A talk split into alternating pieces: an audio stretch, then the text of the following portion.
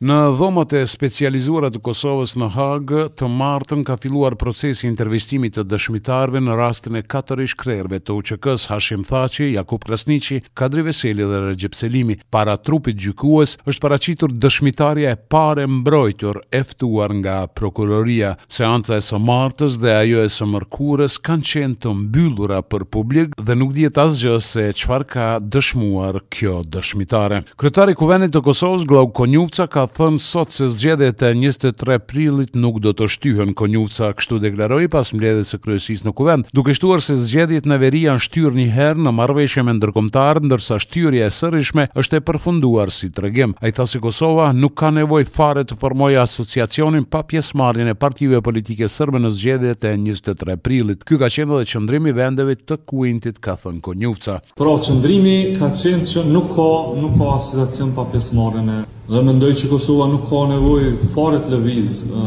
para se të ketë zhvillime në këtë drejtim. Pra nuk mund që ne të kushtëzohemi prej Vuçiqit, prej Belgradit, prej Sërbisë, që ata të vendosin se kur të ketë zgjedhje jo në Kosovë. Zgjedhjet janë caktuar, një kompromis i mëhershëm ka ndodhë, zgjedhjet janë shty një herë. Zëvendëskryeministri i Kosovës, Besnik Bislimi, i cili gjendet për vizitë zyrtare në Shtetet e Bashkuara, ka thënë se shtyrja e zgjedhjeve në veri nuk do të ishte opsion i mirë. Në një intervistë për Zërin e Amerikës, Bislimi tha se shtyrja e zgjedhjeve në veri do ta paraqiste veriun si zonë të menaxhimit të krizave e jo si proces të normalizimit të raporteve. Shtyrja nuk është opsion i mirë, është opsion i atyre që mendojnë që në këtë moment më mirë është që veriu të shndërrohet në një zonë të menaxhimit të krizave e jo në një të hyjë në një proces të normalizimit të raporteve. Për momentin protagonisti kryesor që kërkon shtyrjen e zgjedhjeve është zoti Vuçiç, i cili edhe kërkon koncesione për pjesëmarrje në zgjedhje. Është shumë gabim që edhe zëra nga politika në Kosovë i bashkohen kësaj narrative të zotit Vuçiç. Sot në Kosovë po qëndron kryeministri në detyrë i Malit të Zi, Dritan Abazoviç. Ai ka zhvilluar sot takime me kryeministrin e Kosovës, Albin Kurti, me të cilën kanë nënshkruar disa marrëveshje ekonomike.